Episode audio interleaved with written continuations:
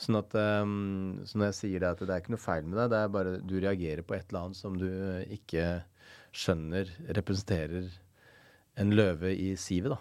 Og hvis man da bare klarer å oppdage de uh, størrelsene som gjør at du uh, har det sånn, så kan man forstå det bedre, og man kan kanskje unngå det.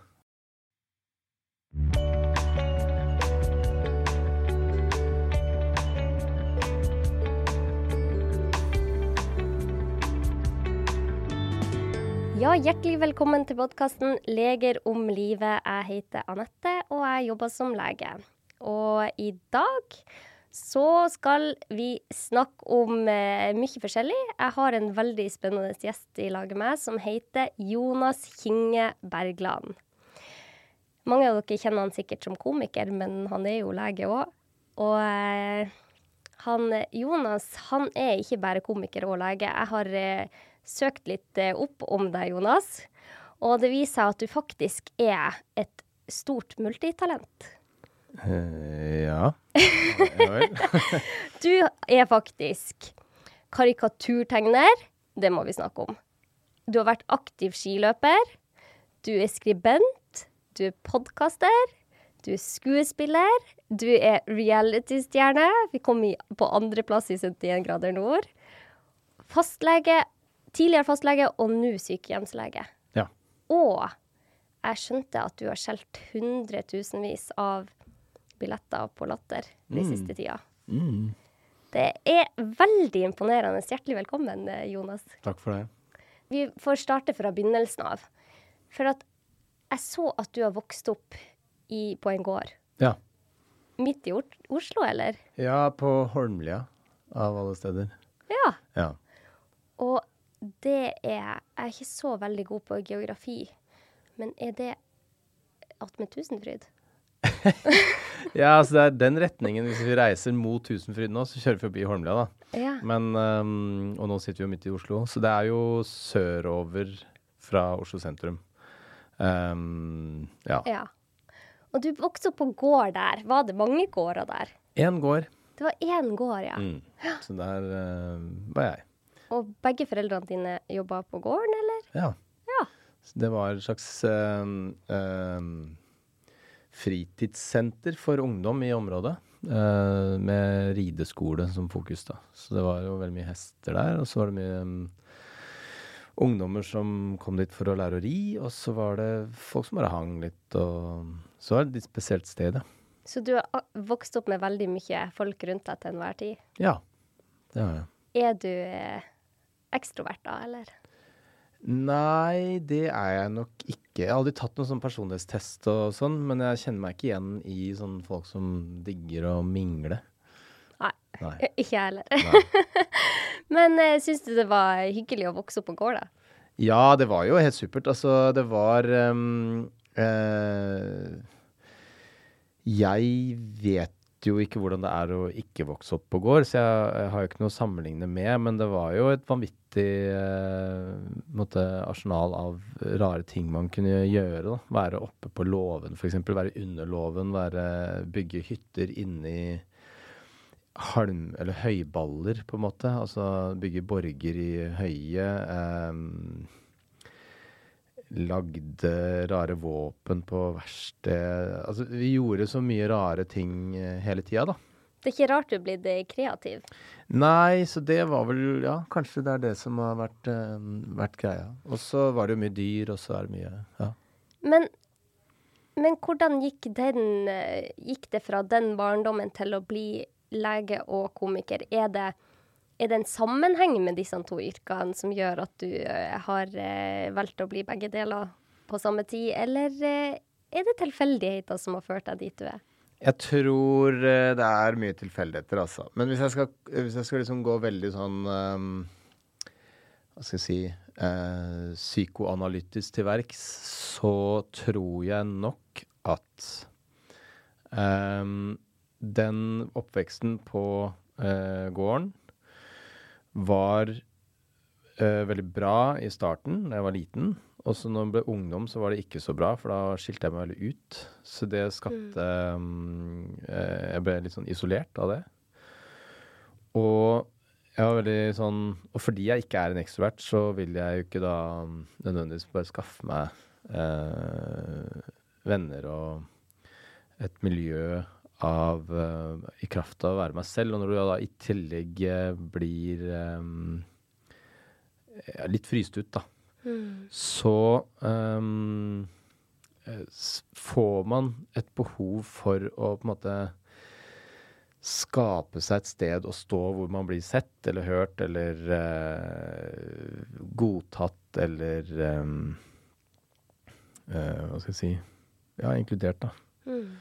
Og da Jeg tror at jeg har oppsøkt steder og eh, anerkjennelse på en måte litt på grunn av det, da. At eh, da har jeg på en måte søkt mot steder hvor man får oppmerksomhet for å få den følelsen av tilhørighet. Det er min analyse av det. Men da er det jo Jeg kan skjønne det at da er det jo ganske safe å gå for legeyrket. Ja, altså da går man for noe som er litt status. Uh, altså jeg var veldig interessert i det, altså. Men jeg bare, det, er, det er bare I ettertid så har jeg tenkt sånn hm, Det er en fellesnevner her i alle disse her tingene eh, som på en måte handler om å stikke seg litt fram, da. Og, mm, og legeyrket er jo også det. Men det å bli komiker er jo Det er jo veldig usafe, da.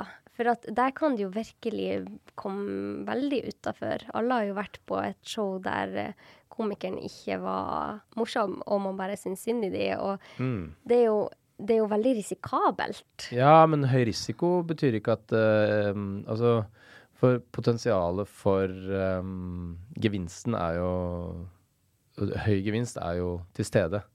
Så um, du får jo veldig sånn målt i hvor stor grad du er eh, anerkjent, da. Ved å få den eh, responsen. Men altså, det å ville stå på en scene, det, det var ikke noe jeg gikk rundt og drømte om. Altså, så det var tilfeldig at jeg begynte med det.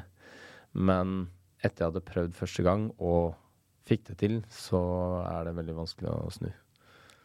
For man får et lite dopaminkick. Ja, noe så inn i helvete. Så det mm, Det å Nei, det, det er eh, et sånn vanvittig driv i det der, når man har fått et publikum til å le veldig mye første gang. Men har du alltid visst at du var morsom, eller? Nei, på ingen måte. Så det, det var en liten overraskelse, det òg. nei, altså jeg øh, har aldri vært noen sånn showman og stukket meg fram noe sted, egentlig. Så det var når jeg begynte på folkeskole at jeg måtte stå foran øh, et publikum, for at man måtte ha sånne øh, presentasjoner på morgenen. Og så øh, fordi jeg ikke turte å gjøre det ordentlig, så gjorde jeg det veldig, veldig dårlig istedenfor. Altså sånn med vilje dårlig. Ja.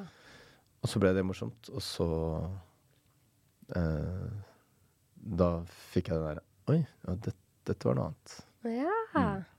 Tenk om man hadde lært barn helt fra de var liten å tørre å stå framfor folk. Jeg har jo hatt sånn vanvittig taleskrekk. Jeg måtte jo ta kurs for å lære meg å prate i forsamlinger når jeg var 30 år. Det er fem år siden. Og jeg tenker over, hadde, hadde jeg lært fra jeg var liten at det var trygt å prate framfor folk, så hadde det jo vært Det hadde jo vært en stor forskjell, i hvert fall mitt liv. Ja. Og sannsynligvis i ditt liv òg. Du innså ikke det før du var på folkehøyskolen. Nei, jeg øh, var aldri noe sånn opptatt av å ta, liksom, ta noe plass eller Også, og heller ikke på folkehøyskolen, altså. Det var, det var, det var jo et um, Som jeg sa, et, um, noe man måtte. Uh, men når man først gjorde det, så var jo det um, Det var rart å oppdage at jeg fikk det til, da. Eh, og da blir jo det veldig mm, Ja, det skaper en sånn Et rush som uh, Det er vanskelig å glemme, ja. Fikk du mer selvtillit av det? Ja, gjorde jo egentlig det. Så, så det handler jo på en måte om en form for kontroll Da. det er å stå på scenen og eh, ja, si ting og få Du er en slags dirigent, da. Ja. Publikum. Mm. Og det er, føles veldig bra for vår mentale helse å føle at man har kontroll på ting. Ja. Eh, men jeg var på showet ditt for noen måneder siden, eller noen uker siden. Mm. Det var kjempemorsomt. Så bra. Og du er jo kjempedyktig, men det er jo noe litt sånn eh, mørkt og rått i showet ditt Mm. som eh, Det er jo veldig imponerende at du tør å ta opp så vonde ting på en scene framfor mange hundre mennesker Mm. uke etter uke. Syns du det er vanskelig å fortelle at du har eh, slitt med depresjon?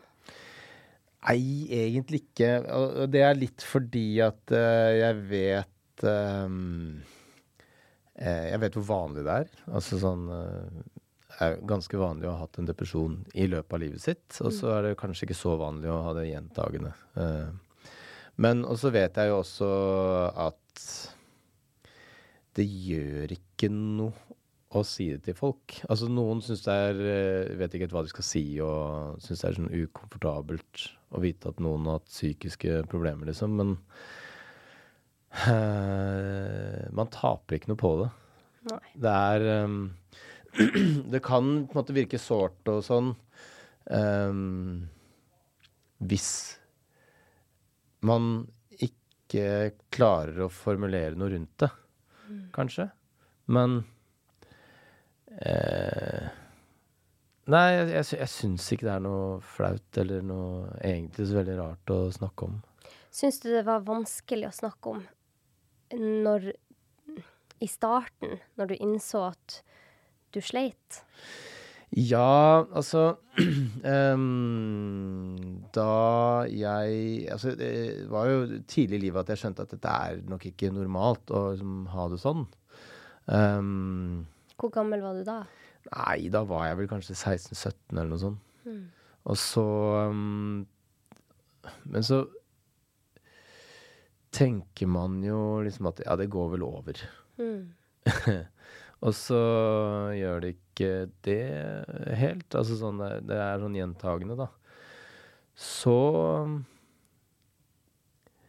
um, Ja, det tar litt tid før man måtte klare å finne ikke, et sted å sette ord på det, da. Mm. Men jeg oppsøkte jo psykolog eh, da jeg var i sånn ja, tidlig 20-åra, da. Så du sleit så lenge Mm, før du snakker med noen om det? ja. Dette tror jeg er veldig vanlig. Mm. Men jeg tror nok det også handler om at måtte, Det er vanskelig å vite hva ting er.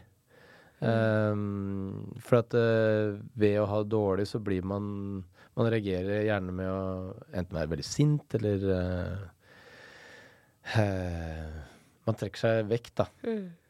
Um, så um, Nei, det er, det er vanskelig å um, vite når man skal på en måte skjønne at dette mm, bør jeg ta tak i. Mm. Dette trenger man hjelp med å Ja. komme ut av. Mm. Gikk du på medisin når du søkte hjelp da, eller? Altså om jeg, om jeg tok medisiner, eller om jeg gikk på medisinstudiet? Nei, studiet. Om jeg Ja, gikk på ja. medisinstudiet. Jeg gjorde det. Ja. Mm.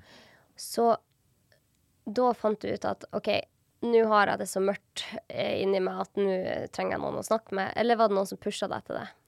Nei, eh, nei, det var vel første gangen så var det jeg sjøl som eh, tenkte sånn der, jeg, jeg, jeg må jo gå og prate med noen, liksom. Jeg kan ikke drive og eh,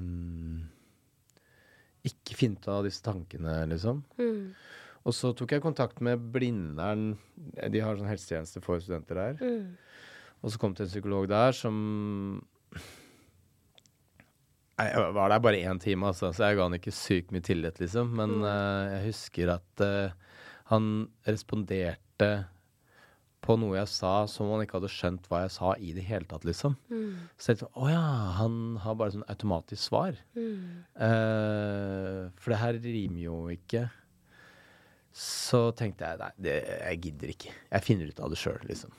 OK. Og så droppa jeg det. Um, og så dro jeg igjen ja, Da var det en kompis Men det var bare en periode jeg hadde en sånn sinnssyk kjærlighetssorg, liksom. Ja. Så da, men da bare toppa det seg veldig. Uh, og da tok vel han meg med på legevakta, faktisk.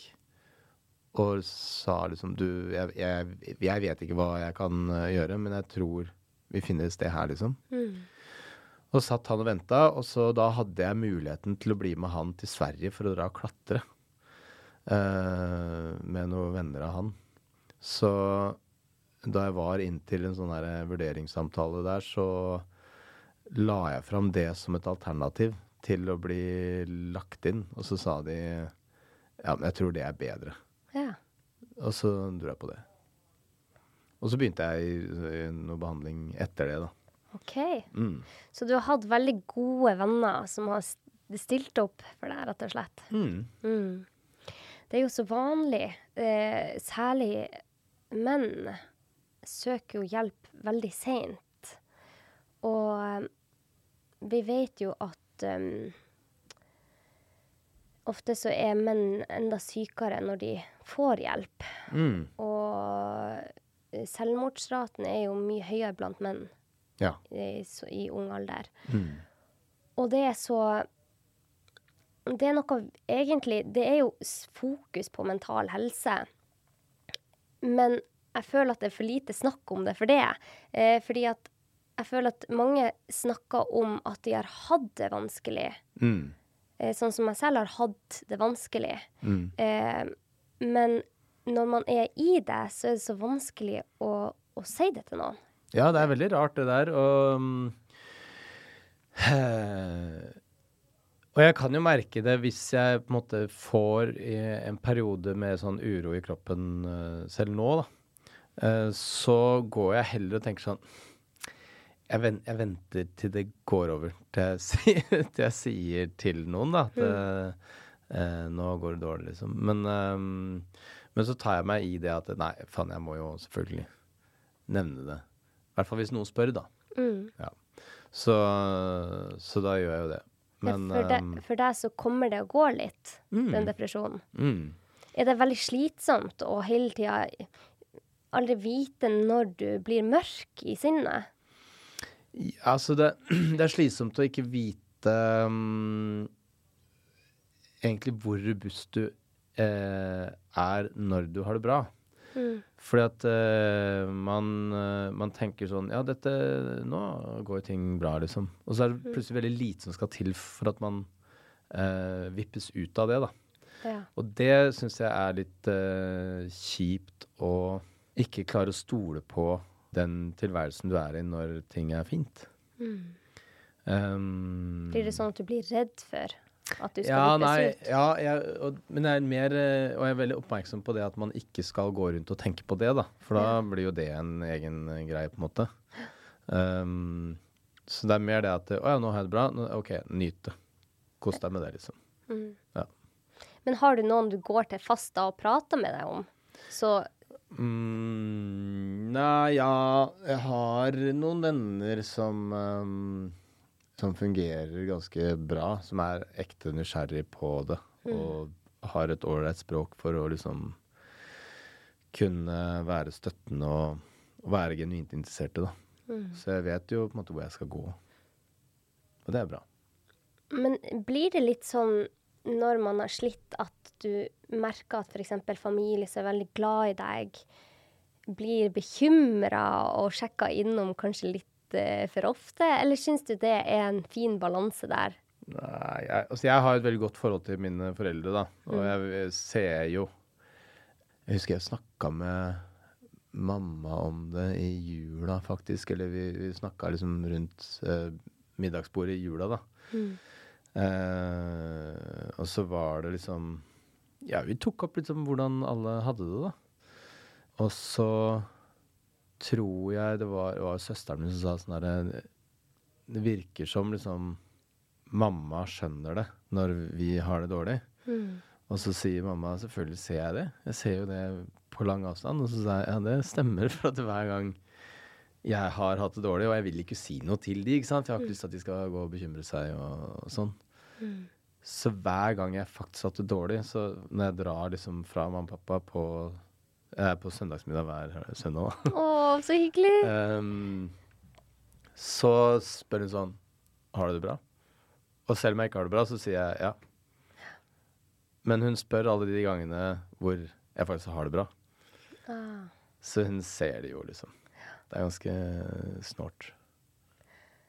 Det er veldig vanskelig å være nær noen som har det vanskelig. For, Ja, for man vet ikke hva kan man si, og hva kan man ikke si. Mm.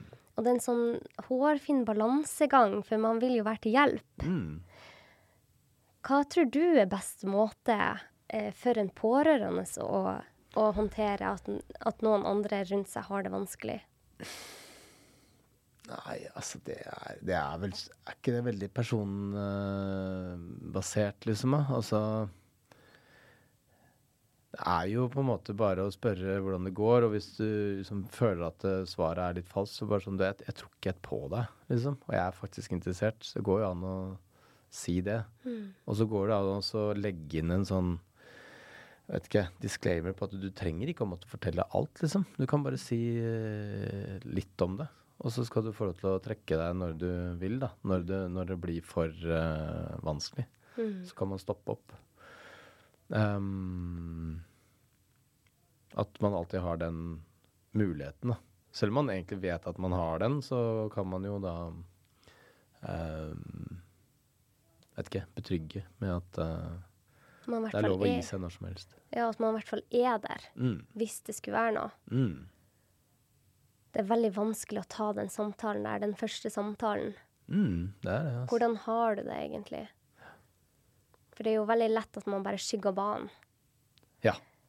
Det er jo det letteste å si sånn Ja, ja, nei, men vi tar det seinere. Og så snakker man om noe, noe hyggelig, liksom. Mm. For man vil at stemninga skal være bra akkurat når den personen er i rommet. Mm.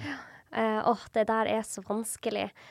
Uh, men jeg tror at det er veldig til hjelp. Jeg tror, tror det er vanskelig å, å fatte hvor viktig det er at du f.eks. står på en scene og fortelle humoristisk om noe så utrolig vanskelig. Mm. Eh, for jeg tror ikke bare det er befriende for de som har det sånn, og som har hatt det sånn, men det er òg litt Det hjelper oss å kunne snakke om dette temaet uten at det skal være så veldig mørkt hele tida. Ja, altså, jeg har vært veldig opptatt eh, Altså, da, da jeg um, tenkte at jeg skulle snakke om psykisk helse i det showet, så var jeg veldig opptatt av at det ikke skulle være sentimentalt, da, på et vis. Altså det ikke skulle være en form for Altså det er, det er ting som jeg skrev for det segmentet i showet som er tatt ut. Og det handla om det der å sette publikum i en gisselsituasjon når med en gang du kommer inn på et sånt tema, ikke sant. Fordi at eh, med en gang man begynner å snakke om sånne ting, så er folk såpass engstelige for å reagere noe feil, eller eh, det er på en måte veldig programforplikta til å være velmenende, eller noe sånt. Så du, du fanger publikum i en litt sånn låst situasjon hvor du ikke får lov til å reagere helt ærlig lenger. Du har ikke lov til å si at det, du syns det er kjedelig, for eksempel, da. Alle andre vitser kan du bare si sånn Du, dette er liksom, Du sier det ikke, men du ler ikke eller klapper ikke, liksom. Ja. Um, mens et sånt eh, tema, så blir folk uh, så Hvis du på en måte uh, prøver deg på noe sånn emosjonell runking, da, så, så er publikum prisgitt å reagere ut av høflighet og ikke ut av uh, hva de syns er uh, morsomt, da. Mm. Så, um, så jeg har på en måte fokusert på å gjøre det på en usentimental måte og snakke om det som eh, med san samme tonefall som når du snakker om å gå en tur i butikken, liksom, da. Mm. Fordi det er like ehm, Hva skal jeg si ehm, Det er like eh, tilstedeværende som å gå i butikken. Så hvorfor ikke snakke med om det på samme måte? På et Det- vis. Det er veldig befriende å gjøre det på den måten, da. Mm. Da blir det ikke så um, Det er lettere å le av det da, enn hvis jeg på en måte går ned i tonefallet og sier sånn Ja, jeg har slitt litt. Så sitter jo alle mm, Ja, nå skal vi være medlidende. og høflig og Mm. le på de rette stedene. ja. Ja, det syns jeg. Altså, du eh, Det showet er jo bare kjempemorsomt. Og jeg føler ikke at det er noe sånn Det, det er det som er så utrolig at du får til. At eh, man ler jo av, eh, av deg og det du forteller, uten at vi føler oss dårlig inni oss Mm. eh, av å høre på at du har hatt det dårlig. Ja, det er bra at du sier Og det er jo en kjempe sånn, vanskelig balansegang som Mm. komiker. Men ja, dette temaet er jo eh, Det er jo stort, og det er veldig, veldig mange som sliter. Ja, det er det jo. Hvorfor er det så mange som sliter, Jonas? Ja, altså der er det jo mange teorier, da. Jeg tror jo at ehm, uh, vi lever uh, Vi lever nok litt kunstig liv ut ifra hva vi er uh, rigga for å takle. Det er ikke naturlig å bo i store byer. Det er ikke naturlig å bo i så store samfunn med så mange mennesker som du ikke kjenner. Altså, vi, Evolusjonært sett så er vi tilpassa å bo i en gruppe på inntil 50 individer. Som du kjenner uh, ut og inn gjennom hele livet ditt.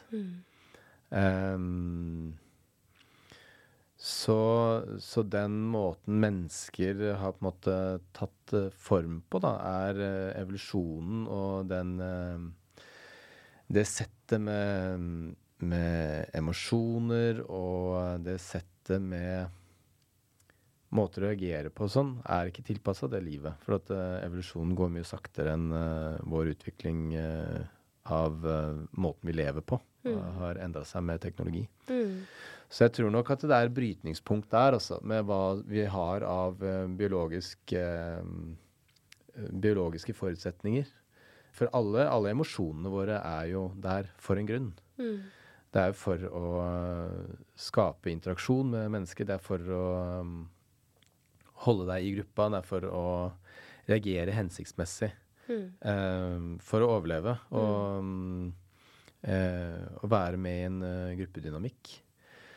Men hvis du setter uh, disse uh, reaksjonsmønstrene og emosjonene og alle disse tingene som fungerer veldig bra i et lite samfunn, inn i en helt sinnssvak sirkusverden som vi lever i nå, så vil du få en del eh, negative reaksjoner eh, hos en del mennesker.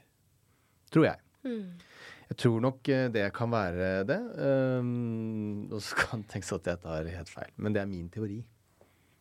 Men hva er Hva er antidoten, da, til eh, dette høyteknologiske Ja, det er jo helt Det som du sier, er, vi lever jo helt annerledes enn vi gjorde for 10 000 år siden. Og hva kan vi gjøre da? Vi, vi kan jo ikke komme, gå ut av samfunnet. Nei, man kan jo ikke det. Så man er litt låst, altså. Men eh, det kan være Altså, Man skal være litt forsiktig med å liksom balansere en sånn teori som en uh, sannhet, da. Uh, men man kan være nøye på at de eh, Altså, det er ikke noe feil med deg nødvendigvis fordi man har det dårlig eller uh, uh, reagerer på forskjellige ting. Men um, Og det er et så viktig poeng. mm, For veldig mange tenker at jeg er feil for at jeg har det sånn som jeg har det. mm, Jeg gikk jo rundt og tenkte det i veldig, veldig, veldig mange år. At det var meg det var noe galt med. Og leste alt av bøker man kan komme over av psykologi. Hvordan blir jeg kvitt uroen inni meg, og hvordan kan jeg få det bra hele tida? mm. Men det er ingen mennesker som går rundt og har det bra hele tida. Nei, nei, på ingen måte. Og, um, og så kan man jo romantisere og si sånn der jeger- og sankesamfunnet var fantastisk uh, tilværelse å være i. Det var det jo selvfølgelig ikke. For at uh, faren for å bli drept eller uh, tatt av et dyr eller noe sånt, Og den var jo uh, absolutt til stede. Så, så man hadde jo angst og var redd. uh, og hadde det jævlig der også. Men uh, da var jo disse, disse emosjonene tilpassa de omgivelsene man levde i. Ja. Sånn at um, så når jeg sier det at det er ikke noe feil med deg, det er bare du reagerer på et eller annet som du ikke skjønner representerer en løve i sivet, da. Mm, ja, ja, ja, nettopp. Um, og hvis man da bare klarer å oppdage de uh, størrelsene som gjør at du uh, har det sånn, så kan man forstå det bedre, og man kan kanskje unngå det på et vis. Og få det bedre. Mm. Bare det å være bevisst sine egne instinkter og følelser, og hvorfor man reagerer sånn som man reagerer. Og vi har jo veldig mye skam. Vi mennesker går jo rundt og bærer på veldig mye skam. Mm. Og det var jo for at man skulle overleve i flokken. ikke sant? Man Ja, skulle ikke ta helt av. Men per nå så kan jo skammen bli for stor igjen i det samfunnet vi lever i nå. For man kan jo skamme seg over alt mulig. At man har feil bukse i Mm. feil selskap. Eller eh, at man ikke har tatt den riktige utdannelsen som eh, samfunnet sier du burde ta. Mm. Man skammer seg jo veldig mye.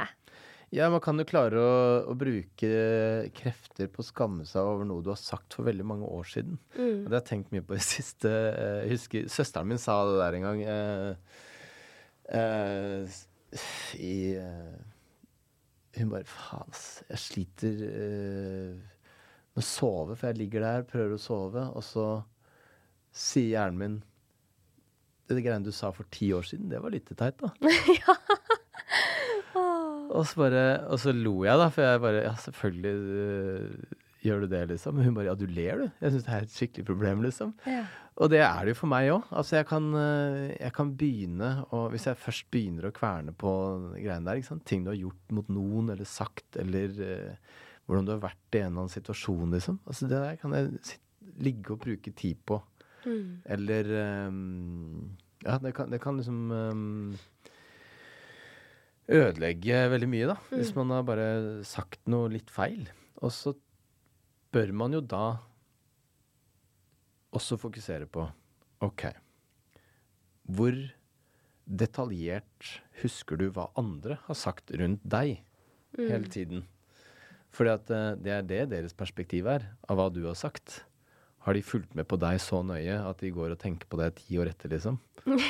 At, uh, at uh, ja, den lille nyansen der han uh, gjorde der, det var, det var helt krise, liksom.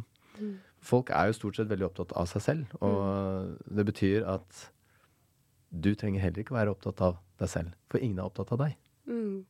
Har det hjulpet deg å tenke sånn? Ja, lite grann. Eh, faktisk. Fordi at eh,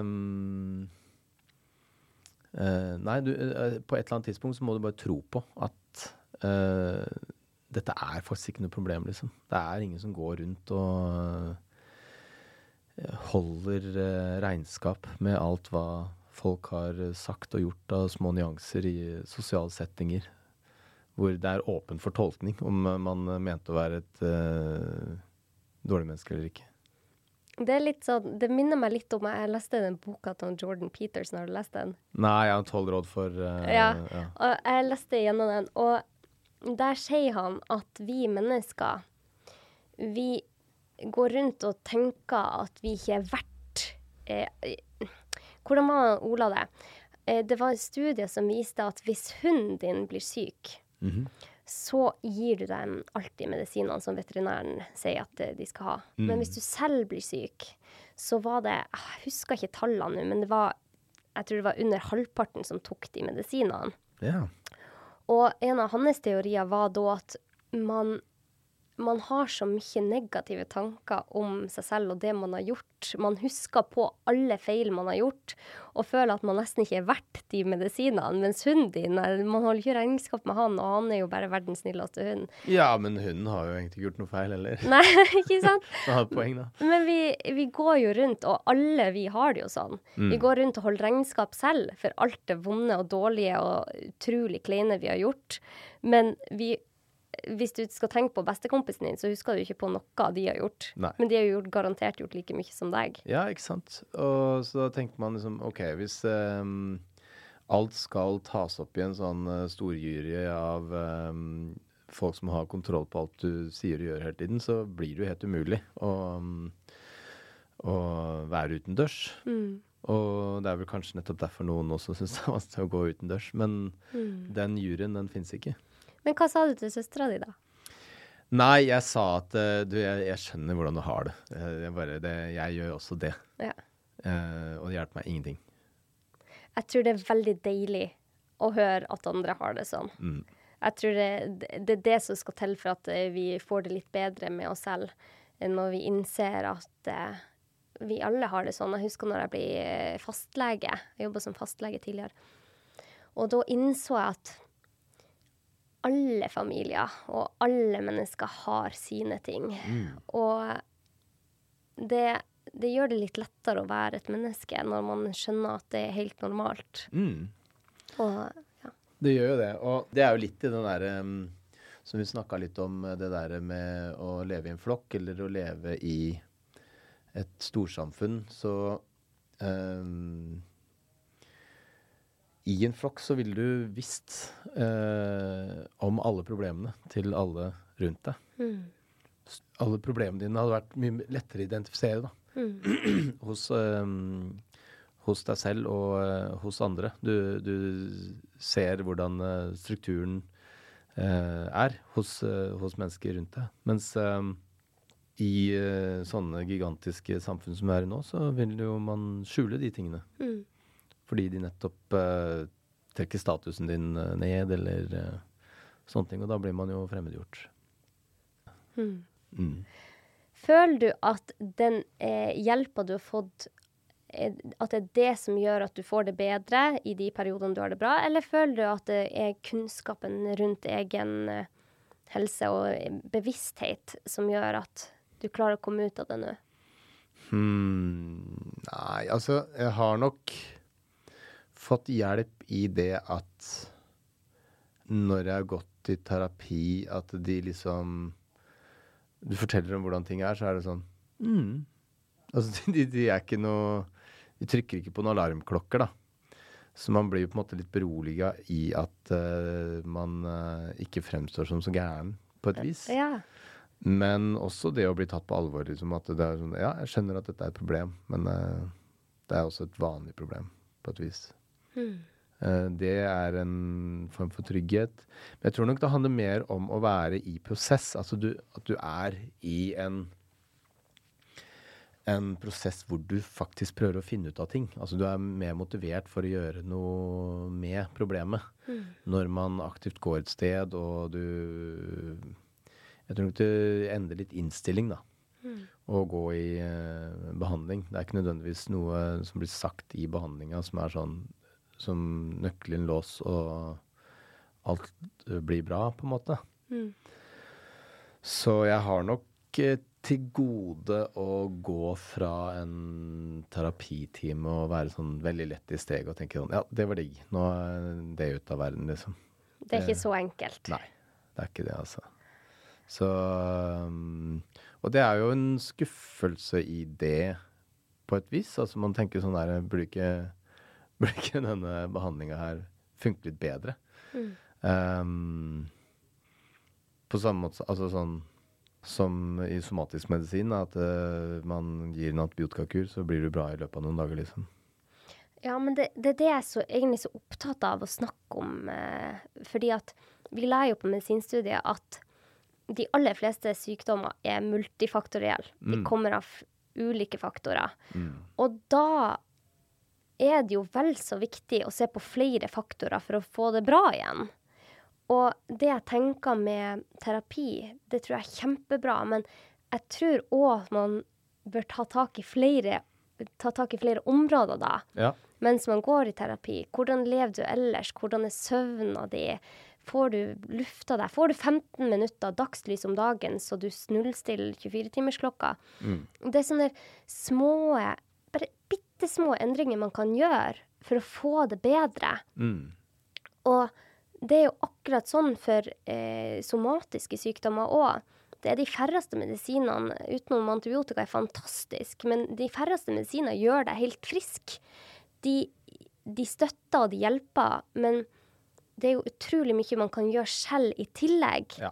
For å få det bedre. Ja da, og mesteparten ligger jo uh, i helt sånn enkle ting, og det er jo kosthold, uh, fysisk aktivitet og søvn. Ja. Uh, Det er så basalt. Ja. Men vi må jo snakke om det, for, å, for at det innså jo jeg jeg- Når jeg, jeg gikk femteåret på medisinstudiet og fikk det veldig, veldig dårlig. Og uh, da var det jo min far som eh, så det. At uh, dette var ikke bra. Og det vekka meg. Det, det, jeg kom ut av et veldig dårlig mønster. Og så begynte jeg å lese alt jeg kunne om hvorfor har jeg det sånn som jeg har det, og hva kan gjøre at jeg får det bedre. Mm. Og, og det å prate med noen er kjempeviktig. Om det er et familiemedlem eller en venn eller eh, en psykolog eller psykiater. Men det jeg innså når jeg Jeg ble jo veldig Veldig opptatt av det. Så det jeg innså når jeg leste disse bøkene, var jo at det er ikke én fasit til dette. Nei, nei, nei. nei jeg Jeg har så lyst til at det, man, sa, man har så lyst til at det, det er den ene samtalen eller denne ene planten her, den skal gjøre meg bra, og da får jeg det bra resten av livet. Men det jeg innså, var jo at det er egentlig ganske små ting, og det er ikke sånn Det er ikke så Det er vanskelig når man har det vanskelig, men bare det at man går ut i dagslys og får de 15-20 minuttene Mm. har vist seg, har forskning vist, hjelper på humøret og gjør at du får bedre og dypere søvn. Mm. Jeg skulle gjerne ha visst dette når jeg var tolv år. Eh, eh, Så jeg tenker at det er viktig at vi snakker om det òg, når man har en venn som har en sykdom, om det er mental eller eh, somatisk sykdom. Så, og, jeg må bare skyte inn der at mentale og fysiske lidelser, de er jo forbundet. Det er jo ikke Ja, ja, ja. det er jo ikke bare Man kutter jo ikke av med halsen. Men når man har det dårlig, så se over flere områder. Har jeg, går jeg ut i det hele tatt? Ja da, man må se på liksom, totalmønsteret. Og da er det jo nettopp det som um, Altså fysisk aktivitet er sykt viktig, liksom. Uh, og, og sove er jo helt vanvittig viktig. Og Også, um, Og det du har vært inne på med relasjoner, ikke sant? Hvor, mm, at man har bare noen å snakke med. Og uh, det med at vi, siden vi er flokkdyr, og siden vi er et produkt av evolusjonen, så vil jo, hvis vi eh, utsettes for eh, noe tungt eller noe, en utfordring, så vil vi se på det som en trussel hvis vi er helt alene. Ja. Instinktivt så gjør man det. Mm. Men hvis man har noen i laget seg, eller man vet at det er noen i ryggen, Mm. så blir det en utfordring. Da klarer man å gjøre noe med det, som regel. Mm. Men det å være helt alene i verden, det er vi ikke laga for. Nei, man er ikke laga for det, og man er jo da også utrolig dårlig disponert for å takle dårlige relasjoner. Eh, og det er jo en god grunn til det, for at en dårlig relasjon vil jo skape um, eh, Altså i For 10 000 år siden, da, så ville jo det gjort at du kanskje blir utstøtt av flokken. Og utstøtt av flokken er jo den visse død. Da vil du jo eh, Den visse død. Sikre død, heter det. Så da vil du eh, jo eh, dø, du, for du klarer deg ikke aleine mm. uh, i- i den verden da. Så uh, det er derfor man har det settet av reaksjonsmønstre til nettopp relasjoner som er vriene. For det skal være ubehagelig å ha en dårlig relasjon. For hvis du ikke klarer å samarbeide, så dør du. Eh, så å fikse de tingene gir jo fullstendig mening. Det er jo det som eh, redder deg. Um, så det er litt eh, som jeg var inne på, ikke sant. Eh, alle disse følelsene og tankene og alt mulig sånt nå er der for en grunn. Men den måten du lever på, er ikke laga for akkurat den riggen vi har, da, sånn rent biologisk. Han Wasim Sahid, jeg var i, på YouTube-kanalen hans, og da spurte han meg om akkurat det at hva anbefaler du hvis man er i et veldig dårlig forhold eller har en veldig dårlig relasjon? Og det er et vanskelig spørsmål å svare på, fordi at man kan jo ha det veldig dårlig i et forhold, selv om forholdet er bra i en periode. Mm. Men det som vi vet, er jo at det å ha dårlige relasjoner påvirker vår psykiske og fysiske helse i veldig stor grad. Så hvis dette er et forhold som faktisk er skadelig, eh, eller gir deg høyt stressnivå over veldig lang tid, og man ikke får hjelp med det, så er jo det absolutt noe man må ta tak i. Det er jo kanskje pri én i livet vårt Ja. å ta tak i det. Ja, det er jo det. Så um, hva ville du ha svart? Og hvordan man fikser dårlige relasjoner? Ja. Hæ. Nei, altså eh, Man må vel kanskje spørre seg er relasjonen verd å ivareta? Altså, trenger jeg den? Kommer jeg meg utenom, på en måte? Og hvis det er en uh, relasjon som du skjønner ikke enten er eh, Altså, hvis den kan unnvære, så bli kvitt deg med den, liksom.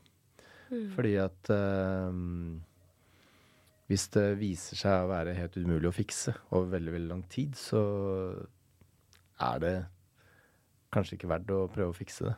Mm. Mens um, relasjoner som du ikke kommer deg utenom, altså i nær familie, uh, til foreldre og sånne ting, er vanskeligere å bryte, selvfølgelig, da. Eh, og er nok ganske skadelig å bryte også. Så da er jo um, målet å fikse uh, enten relasjonen eller prøve å forstå hvorfor den er dårlig, i hvert fall. Og um, nettopp uh, identifisere hva som gjør at den skaper de reaksjonene hos deg, da. Og um, hvis du identifiserer det problemet, så er det lettere å tåle hva den gjør. Ja. Det syns jeg var et veldig godt svar, eh, Jonas. jeg får lyst til å kalle deg doktor Bergland, for det er jo det som står overalt. Ja, det er det som på en måte er liksom eh, salgsplakaten, ja. Blir du titulert med doktor Bergland når folk møter deg på gata, eller? Ja, nei, jeg vet ikke. Det har vel hendt, kanskje. Det er, ja. Det er vel ikke så mange som henvender seg til meg ved navn, liksom. Jeg sier sånn Der er du. Jeg leste mm, Du var jo med i forrige tidsskriftet. Mm. Medisinske Legeforeninga sitt tidsskrift. Ja. Og jeg må, synes, jeg må si at jeg syns det var veldig morsomt å lese. For du har jo du har jo dine særtrekk, Jonas. Og blant annet er det Var det frokostritualet ditt som var litt uh, ja, det er frokost og lunsj og Altså, det er ikke så heldig at jeg ikke kan gå utenom det. Altså, hvis jeg er på ferie eller er på hotell eller noe sånt, så gjør Eller hotell ja, kanskje litt likt, men uh, Tar du eh, med deg norsk mat på hotell? Nei, nei. Nei, OK. Nei da. Nei da, jeg gjør ikke så mye sånne ting. Men det, det, det er mange som har hengt seg opp i akkurat den der matrutinen min. Men det er bare for at jeg har funnet en lunsj som jeg syns er helt uh, Som jeg syns er veldig god. Og så ble jeg ikke lei av det, og da bare fortsetter jeg med den. Ja, men du må fortelle hvordan du spiste denne lunsjen din. Hva, hva, du vil helst spise alene, er det det? Ja, jeg har ikke noe behov for å spise med folk, nei. Verken frokost eller lunsj. Men hva som skjer hvis du må spise lunsj med noen? Nei, da bare blir det sånn, da. Men da ja, Det høres litt, kanskje litt rart ut, men da er det ikke så viktig å spise akkurat den lunsjen som jeg da pleier å spise. Ok, Og hva er det du pleier å spise? Det er to brødskiver med gulost eh, og en brødskive med kremost krydder. Ja, Og så er det tomat på alt sammen. Okay. Tomatskiver og sitronpepper.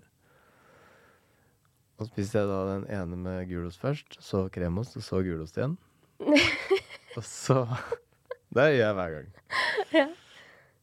Og det er bare sånn Det gir ikke noe mening å gjøre om på rekkefølgen. Jeg tenker bare sånn Nei, men sånn har jeg gjort det nå hele tiden. Jeg gjør jo selvfølgelig det hver gang. Men du må drikke melk imellom. Nei, det er skjønte appelsinjuice. Dette er lunsjen.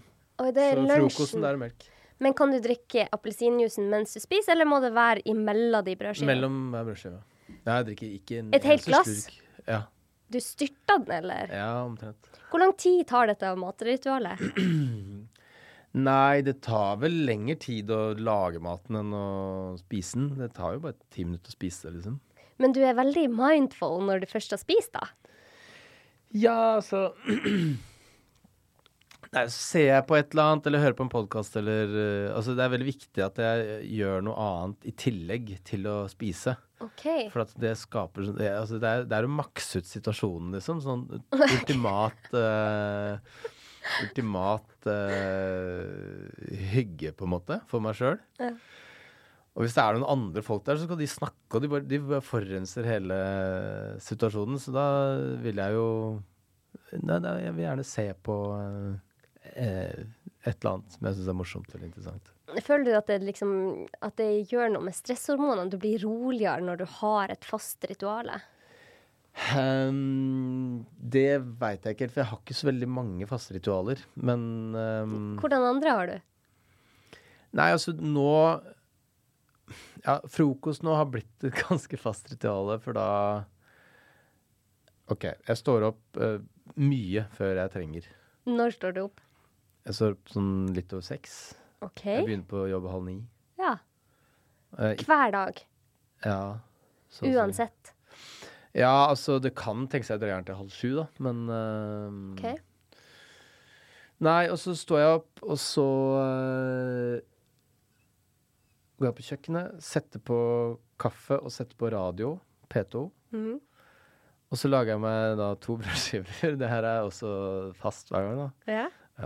Ehm, og på vinteren ofte vikar, nei, kaviar. Uh, og på sommeren er det blåbærsylte eller banan. Og så okay. uh, ja. Og så leser jeg avis mens jeg da spiser dette her, og hører på nyhetene uh, på radio.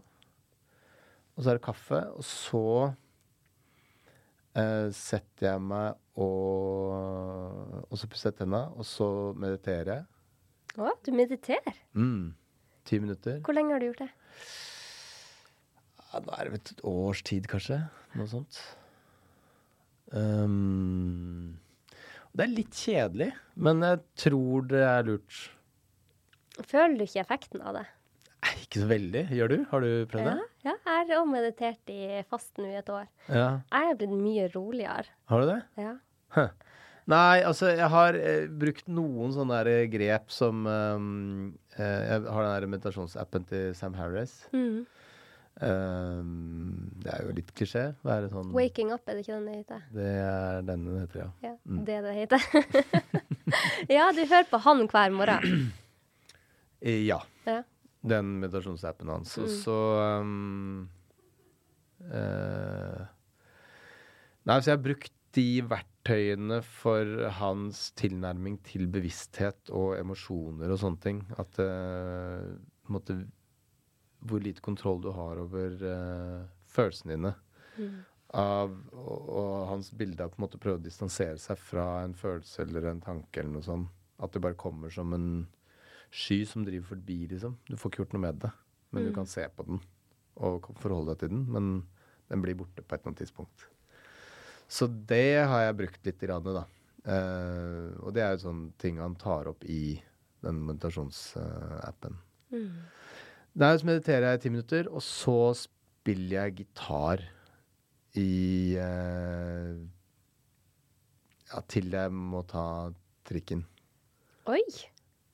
Dette høres ut som en veldig hyggelig start på morgenen. Ja, det er dritbra. Jeg koser meg skikkelig med det. Da øver jeg på en sånn fingerspilltabulatur som jeg har eh, enten printa ut eller skrevet ned eller et eller annet sånt noe. Okay. Og det er jo egentlig veldig meditativt, det òg, fordi Ja. at eh, det er sånn hyperkonsentrasjon. Å treffe liksom de rette strengene eh, i samme rytme, altså i den rytmen du skal ha det i. Huske hele tabulaturet. Det er dritvanskelig. Så nå jeg holdt på, nå i det siste har jeg holdt på med en sang som ikke er noe spesielt fin heller. Det er bare gøy å få det til å høres riktig ut, da. ok. Ehm, men det, det gir meg en sånn vanvittig ro å sitte og kåle med de greiene der. Så jeg tror nok kanskje det er like meditativt. Det kom jeg på nå da jeg nevnte det. Har du hatt det bedre det siste året? Um, ja, det har jeg vel kanskje hatt, ja. Så nå, tenker, nå prøver du å lure meg til å si at meditasjon har hjulpet, ikke sant? Nei, jeg prøver bare å si at det høres ut som du gjør veldig mye bra for din mentale helse. Ja da, jeg gjør det. Også, men jeg har jo funnet ut, ikke sant. Det er, det er jo det eh, Få trent i løpet av dagen. Mm. Eh, få sovet nok. Ha det ryddig rundt deg. Mm. Åh, det er jeg helt enig i. Ja, det er i hvert fall det funker for meg, da. Ja. Um, og gjøre alle disse andre tingene, ikke sant. Uh, uh, de tingene man liker, altså. Og um, ja, og det er meditasjon og gitar. Eh, Når du nevnte han Sam Harris, så kom jeg på en bok som han har skrevet som har vært til stor hjelp for meg. Har du lest boka 'Lying' av han? Nei. Den må du lese. Den er fantastisk. Det er en bitte liten bok Ja. der han forteller om hvorfor man aldri skal lyge. ja. Og vi Jeg husker ikke hva det sto i boka, men det var noe statistikk på hvor ofte mennesker uh, lyver. Ja, men det er jo hele jævla tida, er det Ja, ikke jo, jo. Ja. Så jeg måtte liksom ta, skikkelig ta tak i det her, for han mener at man aldri, aldri skal lyve, selv om det er en hvit løgn. Selv om dattera spør rett før hun skal gå opp eh, kirkegulvet om hun ser fin ut, og faren ikke syns hun ser fin ut, så skal man si sannheten. Det Han er helt på det nivået. Men i helvete, har du, har du prøvd det der noen gang? Ja, altså Siden jeg leste den, så har jeg gått veldig, veldig hardt inn for at jeg aldri lyver. Og det skjer av og til uten at jeg tenker på det. Det er ubevisst hvis noen sier 'Å, for hun har ei fin kjole', så sier jeg 'ja, ja, så fin'. Ja. Men da har jeg òg fått det jeg, får, jeg har nesten fått sånn hangup på det. Så da må jeg nesten gå tilbake og så må jeg si sånn ja, når jeg sa fint, så mente jeg at den var, den var stilig, men eh, eh, ja, jeg prøver liksom å rette opp i mine feil, da. Ja. Så jeg har fått en helt hang-up på å være ærlig, da. ja, så du er faktisk ærlig med alle gjestene dine, da? Ja. Om at uh, du syns de, det de gjør, er bra og sånn? Ja. Yes, ja, men det er jo fascinerende. ja. Jeg føler i hvert fall at jeg har fått det mye bedre bare av å slutte å finne unnskyldninger Ja. for ting. Jeg sier det som regel som det er, og hvis det er uhøflig, så sier jeg eh, det passer ikke, for eksempel. ja. For det, det er jo en veldig god Ja, det er jo veldig interessant, da, fordi at man uh, Sånn derre Jeg har jo merka det at uh, jeg havner i veldig mye sånn her krasj i uh, dagene. Hvis du istedenfor å si 'jeg har ikke noe lyst', sier du sånn 'ja, jeg kan sikkert bli med på det'. Og det har jeg slutta med. Det er så Ja. befriende. Ja. Du må prøve det. Ok, nei, men det skal jeg gjøre. Ja. Og så sier du ja til flere ting samtidig. Sier sånn Ja, jeg kommer om uh, jeg, skal, jeg skal bare en altså, Plutselig jeg vikla meg inn i sånn her jævla surr. Ja. Jeg må innom noen der, og så sitte der liksom Og så må jeg late som jeg bare sånn Jeg er kjempetrøtt, jeg må dra hjem, jeg nå. Og så skal du egentlig et annet sted. Bare sånn helvetes øh, drittopplegg. Ja, men det er ikke bra for din egen selvfølelse, nei, på vet du. For man går imot seg selv. Mm. Og det skrev han godt i den boka, så det, jeg, jeg anbefaler den. Til alle lytterne og til deg, Jonas. Ja, nei, men da skal jeg, det skal jeg sjekke ut. Men når vi snakker om lyttere, Ja. så har jeg fått noen lytterspørsmål. ja, du har det, ja. Ja. Jeg la ut på Instagram i går at jeg skulle intervjue deg. Ja, det så jeg. OK, jeg har fått masse, masse spørsmål, så jeg måtte ta bort eh, Jeg jeg har skrevet ned fem. Ja. Nå skal jeg spørre. Disse spørsmålene som var For jeg har ikke fått- gått igjennom spørsmålene i dag, så jeg tok de fem eh, første. ja. Eh, hva gjør du når du føler deg nedstemt? Da eh, trener jeg eller rydder. Ja, Mm. og det hjelper. Rydder og vasker. Ja. OK. Er lav selvfølelse arvelig? Det tror jeg nok ikke. Men eh, det kan jeg ikke vite. Det er ingen som vet det. Men eh, jeg tror ikke det. Jeg tror det har med, med miljø å gjøre. Mm. Og er man i et miljø der foreldrene har lav selvfølelse, så blir man nok påvirka av det. Ja. Det kan jeg nok tro. Har du opplevd at ditt komikeryrke har påvirka ditt yrke som lege?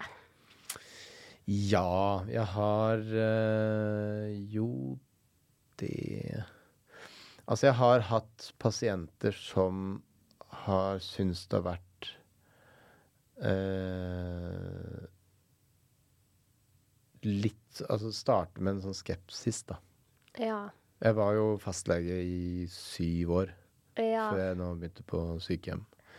De pasientene på sykehjem er jo veldig enkelt, fordi øh, er en, ikke så opptatt av de tingene jeg gjør. Eh, De har kanskje ikke vært på Latter og sett deg. nei. Nei. Det er én ting. Eh, og de og, Eller de er Husker jo ikke så mye av noe.